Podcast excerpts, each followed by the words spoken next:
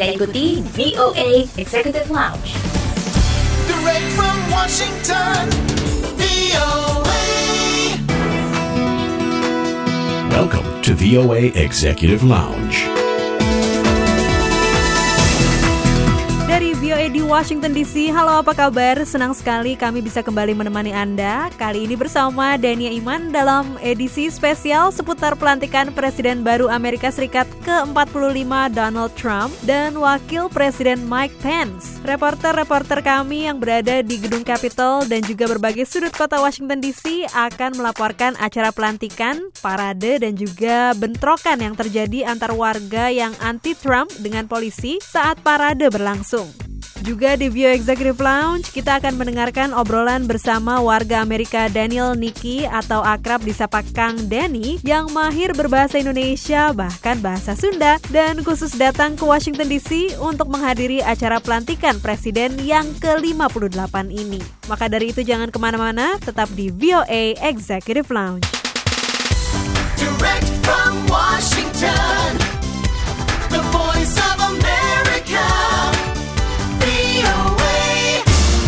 Bio Executive Lounge, untuk yang pertama kita akan mendengarkan laporan mengenai pelantikan Presiden baru Amerika Serikat, Donald Trump. Selengkapnya mari kita temui reporter VOA Leonard Triono.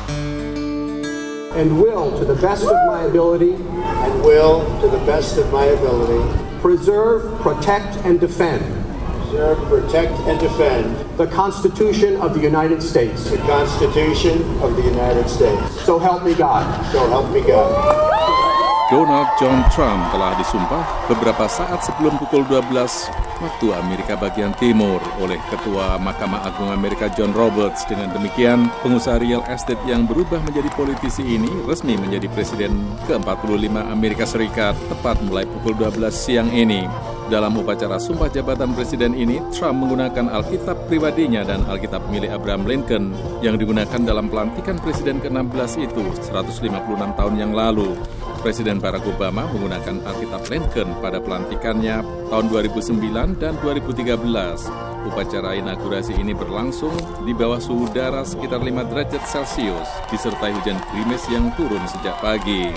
Acara yang menempati undak-undakan atau steps gedung Kongres Amerika ini dihadiri oleh sebagian besar anggota Kongres yang mencakup DPR dan Senat, para pejabat dan tokoh terkemuka, dan masyarakat umum dari berbagai pelosok Amerika yang jumlahnya diperkirakan ratusan ribu. Sesuai tradisi, acara serah terima tampuk pimpinan pemerintahan dan negara dari Presiden Barack Obama ke Presiden Donald J. Trump ini juga dihadiri oleh para mantan Presiden Amerika yang masih hidup. Mereka adalah mantan Presiden Jimmy Carter bersama istri Rosalind Carter, mantan Presiden Bill Clinton bersama istri Hillary Clinton yang sekaligus saingan Donald Trump dalam pemilihan presiden November lalu dan mantan Presiden George W. Bush bersama istri Laura Bush.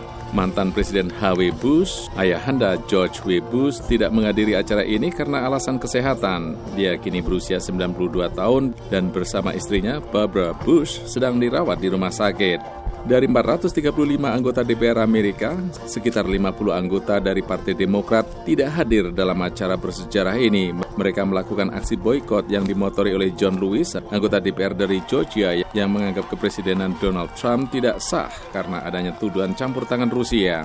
Sementara itu, seluruh anggota Senat dari Partai Demokrat yang berjumlah 46 orang menghadiri acara pelantikan Presiden Trump ini. Dalam pidato inaugurasinya, Donald Trump di antaranya mengatakan, Today, we are not merely transferring power from one administration to another or from one party to another, but we are transferring power from Washington, D.C. and giving it back to you. Donald Trump mengatakan acara ini bukan saja serah terima kekuasaan dari satu pemerintahan ke pemerintahan lainnya atau dari satu partai ke partai lainnya, tetapi yang lebih penting katanya dari penguasa di Washington kembali ke rakyat. What truly matters is not which party controls our government, but whether our government is controlled by the people. Dia juga menambahkan yang sangat penting bukan partai mana yang menguasai pemerintahan, tetapi apakah pemerintah dikuasai atau dikontrol oleh rakyat. Seperti dalam kampanyenya, tidak ketinggalan, Donald Trump juga menyampaikan slogan yang juga merupakan janji untuk membuat Amerika kuat, kaya, bangga, aman, dan hebat.